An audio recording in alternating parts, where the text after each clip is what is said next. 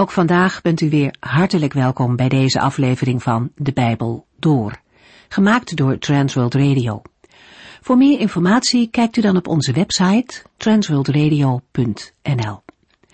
In deze serie gaat u in vijf jaar tijd met ons de Bijbel door, van Genesis 1 tot en met het laatste vers in Openbaring 22. We lezen in de Bijbel in het boek Daniel. In hoofdstuk 4 richt Nebukadnessar zich tot zijn onderdanen van zijn immense wereldrijk.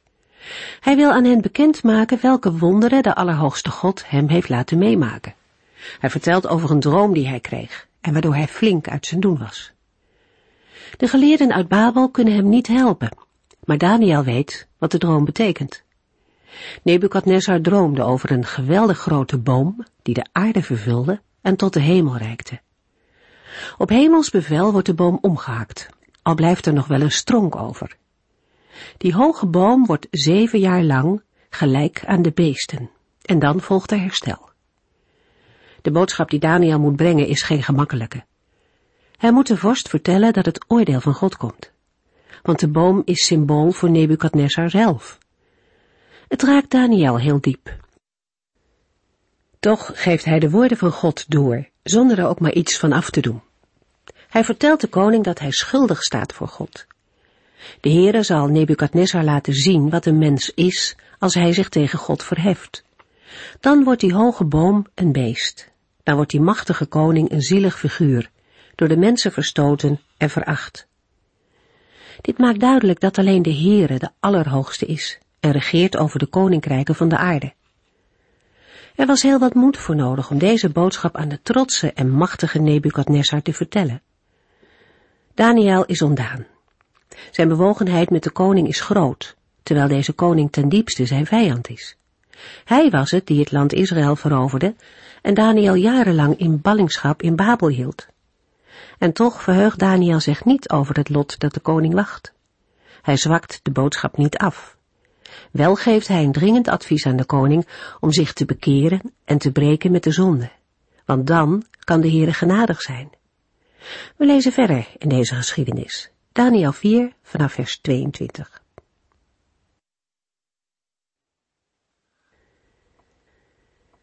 In de vorige uitzending hebben we een begin gemaakt met de bespreking van de uitleg die Daniel namens de Heere geeft van de droom van Nebukadnessar. We hebben gelezen dat dit voor Daniel geen gemakkelijke taak was. Hij was van de boodschap hevig van streek.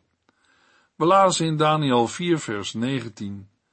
Daniel, bijgenaamd Beltesazar, was voor een moment hevig van streek. Zijn gedachten verontrusten hem.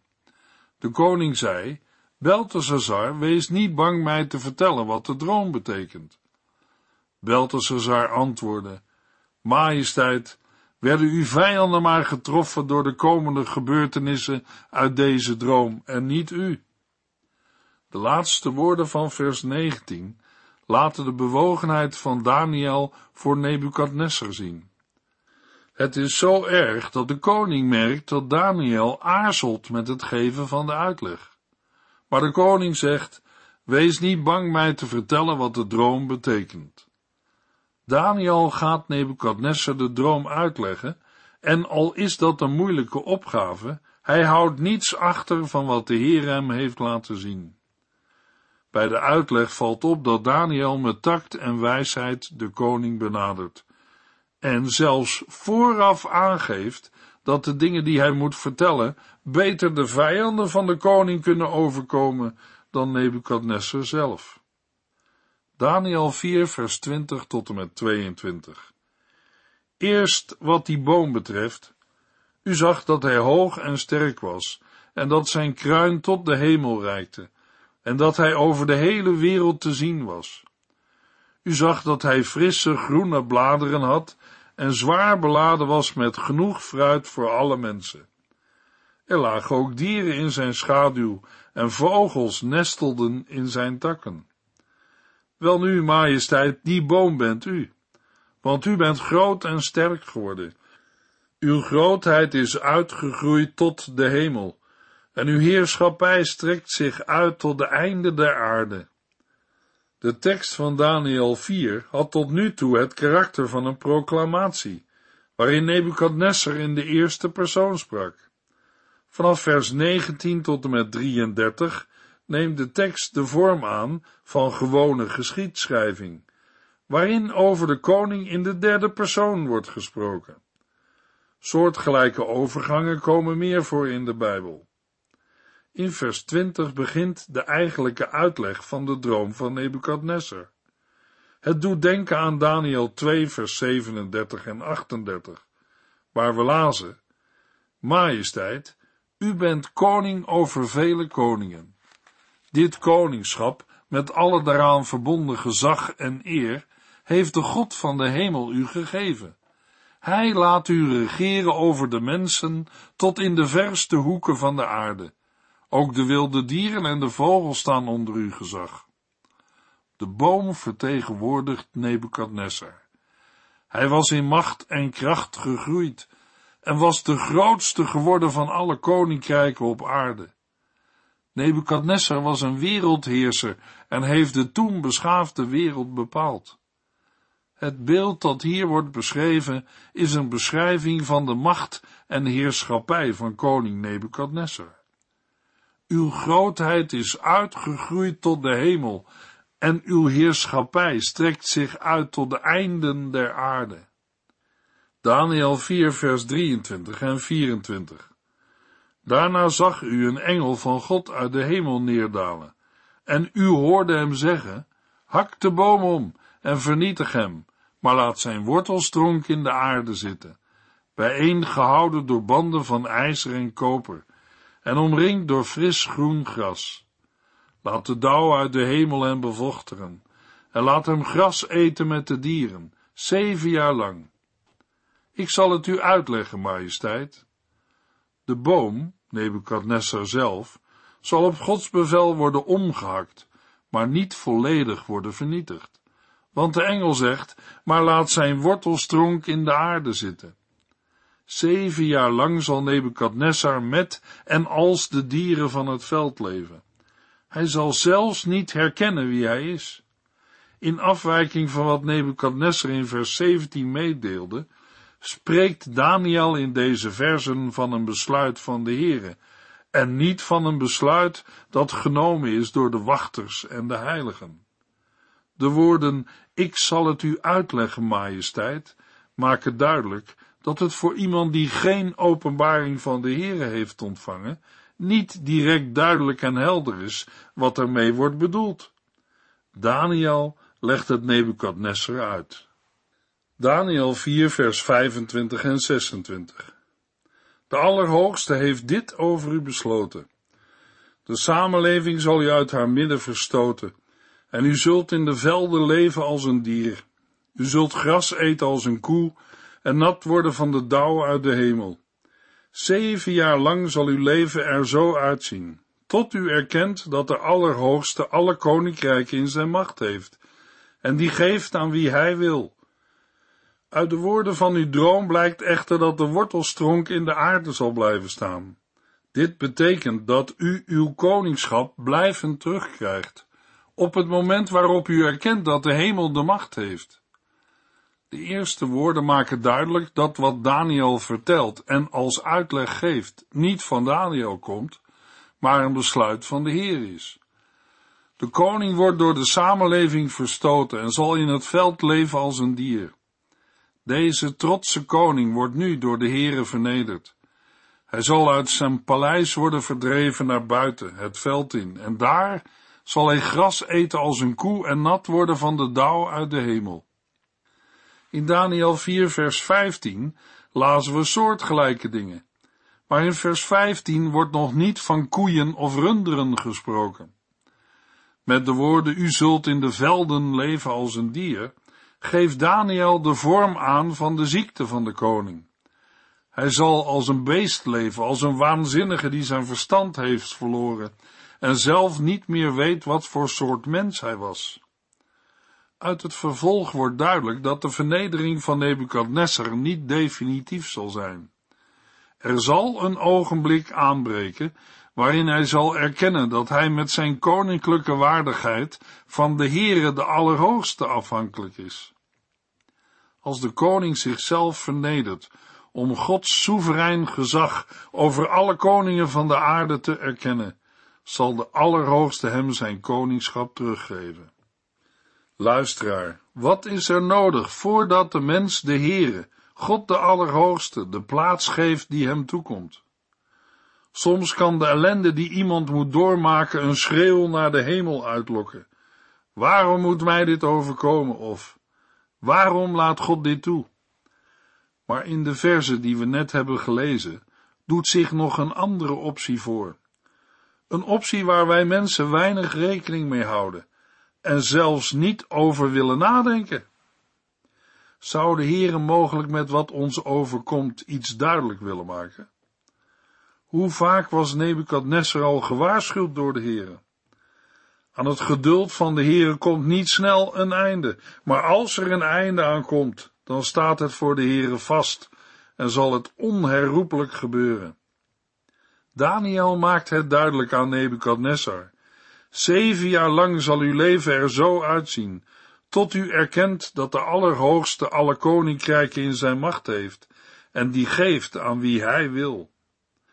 De uitleg van de droom van Nebukadnessar blijkt een oordeelsaankondiging te zijn van de Heere, die trotse mensen hun plaats wijst. Na de uitleg geeft Daniel de koning een welgemeende raad, of liever, hij heeft in alle ernst en bewogenheid de ernstige roeping het aanbod van de Heere te laten horen. Daniel 4 vers 27 Majesteit, luister daarom naar mijn advies. Maak een einde aan het onrecht en de zonde in uw leven en wees rechtvaardig. Heb medelijden met de armen. Misschien zal God u dan nog langer voorspoed geven. De woorden van Daniel lijken veel op de woorden van de profeet Jezaja in Jesaja 55 vers 6 en 7. Zoek naar de Heere, zolang hij zich nog laat vinden. Roep tot hem, nu hij nog dichtbij is. Laten de overtreders hun slechte wegen verlaten en elk plan tot zondige uit hun gedachten bannen. Laten zij naar de Heere, onze God, terugkeren. Dan zal hij zich over hen ontfermen, want hij vergeeft grenzeloos veel. De boodschap die Daniel van de Heere moest doorgeven, heeft op Nebukadnessar indruk gemaakt. Hij weet het jaren later nog. Nebukadnessar weet nog precies hoe het gegaan is en wat er is gezegd. Heeft het woord van God dan toch wat uitgewerkt in het leven van de koning? Duurt het daarom twaalf maanden voordat het oordeel wordt voltrokken? Onmogelijk is het niet.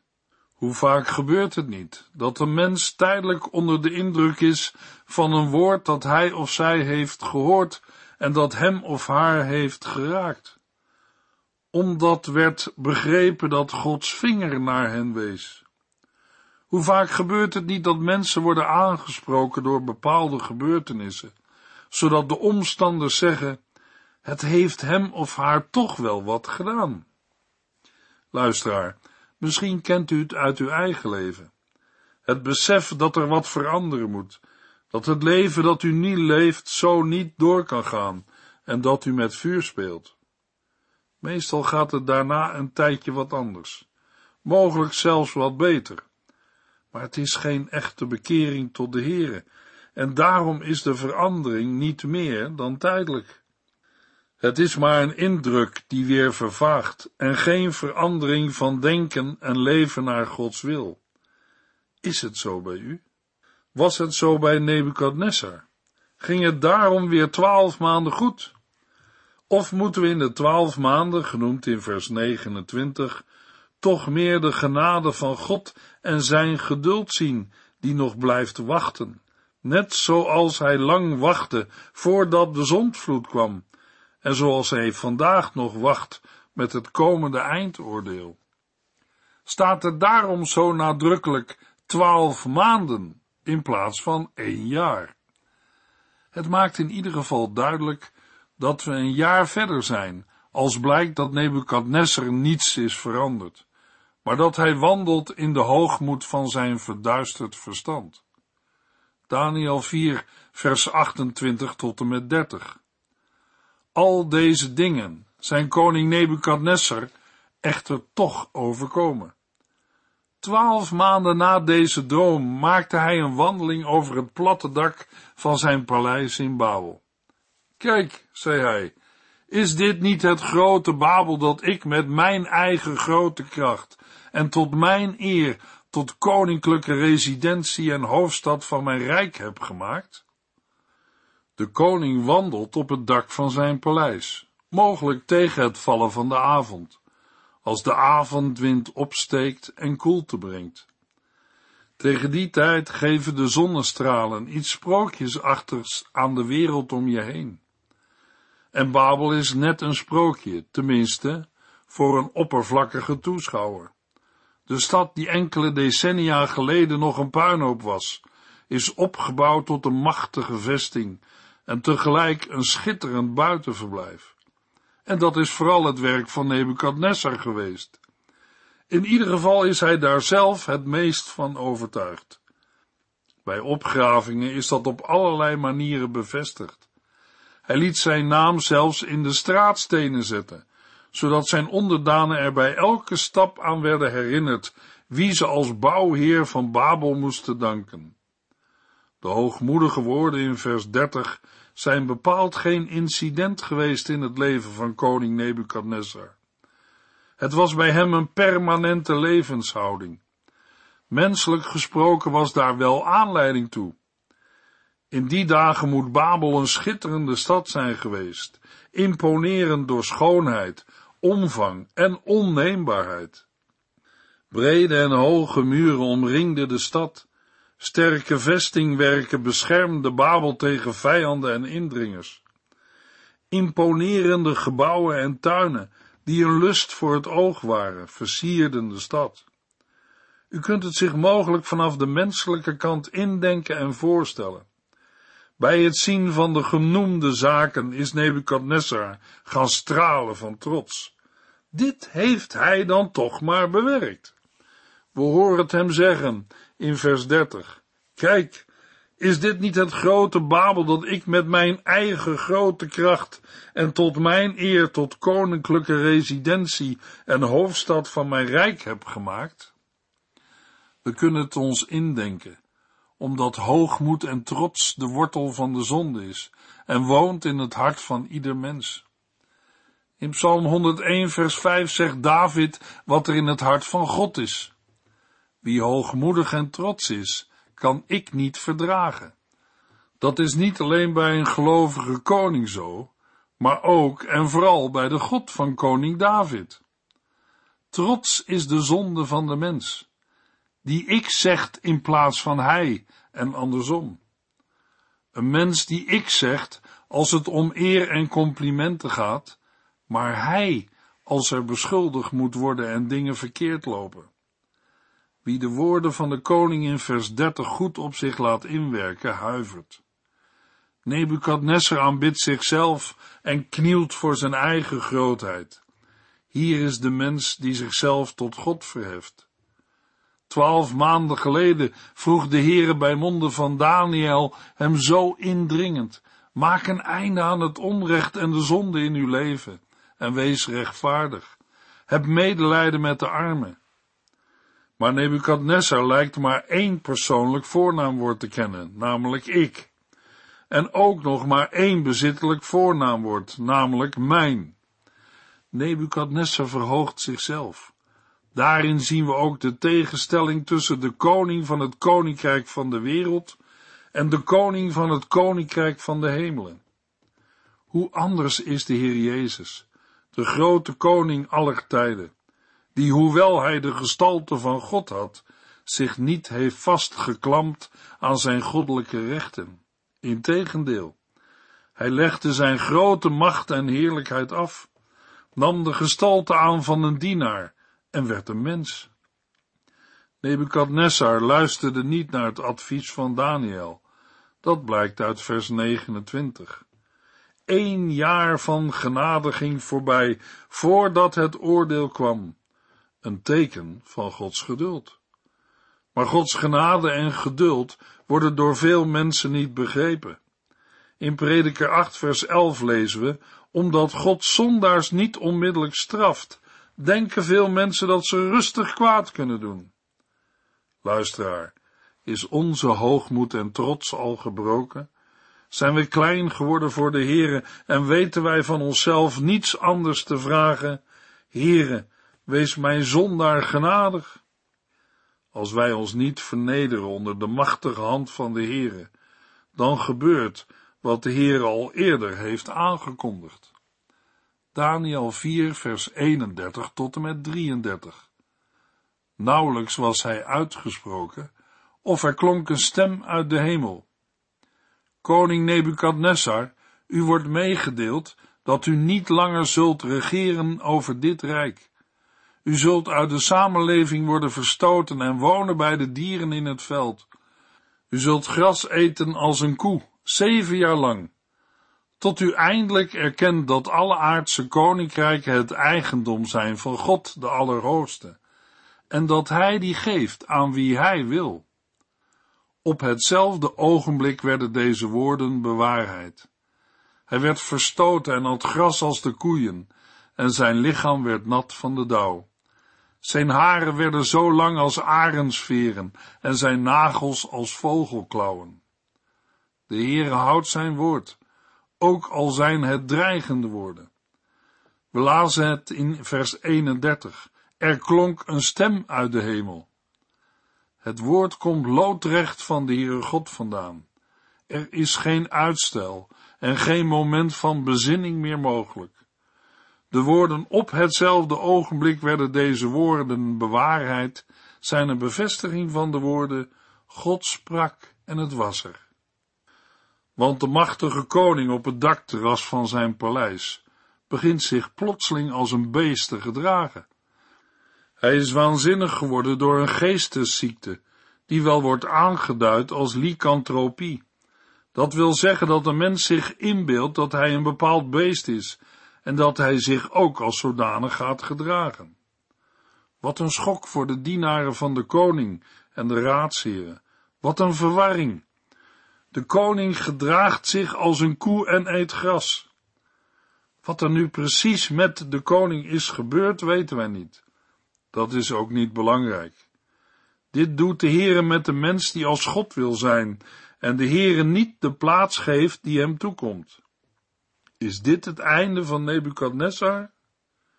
Daniel 4 vers 34 Na verloop van zeven jaar keek Nebukadnessar omhoog naar de hemel en zijn verstand keerde terug. Toen prees en aanbad hij de Allerhoogste en bewees hem de eeuwig levende eer. Want, zei hij, hij heerst tot in eeuwigheid en zijn koningschap houdt voor altijd stand. Gelukkig eindigt de geschiedenis van het wereldrijk niet bij een beest. De geschiedenis van Nebukadnessar ook niet. Wij mogen zelfs zeggen dat Gods genade en geduld nog geen einde heeft in het leven van deze koning, met wie de Heere zich bijzonder heeft bemoeid. Er kwam een dag waarop de door God gestelde tijd om was, en Nebukadnessar omhoog keek naar de hemel. Het was ook het eerste teken dat zijn verstand terugkwam. Op datzelfde moment moet Nebukadnessar zich gerealiseerd hebben wat er is gebeurd. Hij heeft gezien waar hij zich bevond, in het veld.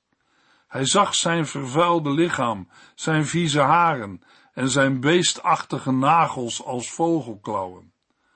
De boodschap van Daniel en zijn droom heeft hij zich herinnerd. En vanaf vers 34 spreekt de koning weer in de ik-vorm. Hij beleeft nu de dingen weer heel bewust en het eerste dat hij doet is een loflied zingen ter ere van de Allerhoogste en eeuwige God. Daniel 4 vers 35 Alle bewoners van deze aarde zijn niets vergeleken bij hem. Hij doet wat hij het beste vindt met de hemelse legers en met de mensen op aarde. Niemand kan hem tegenhouden of ter verantwoording roepen en vragen, wat is uw bedoeling met alles wat u doet?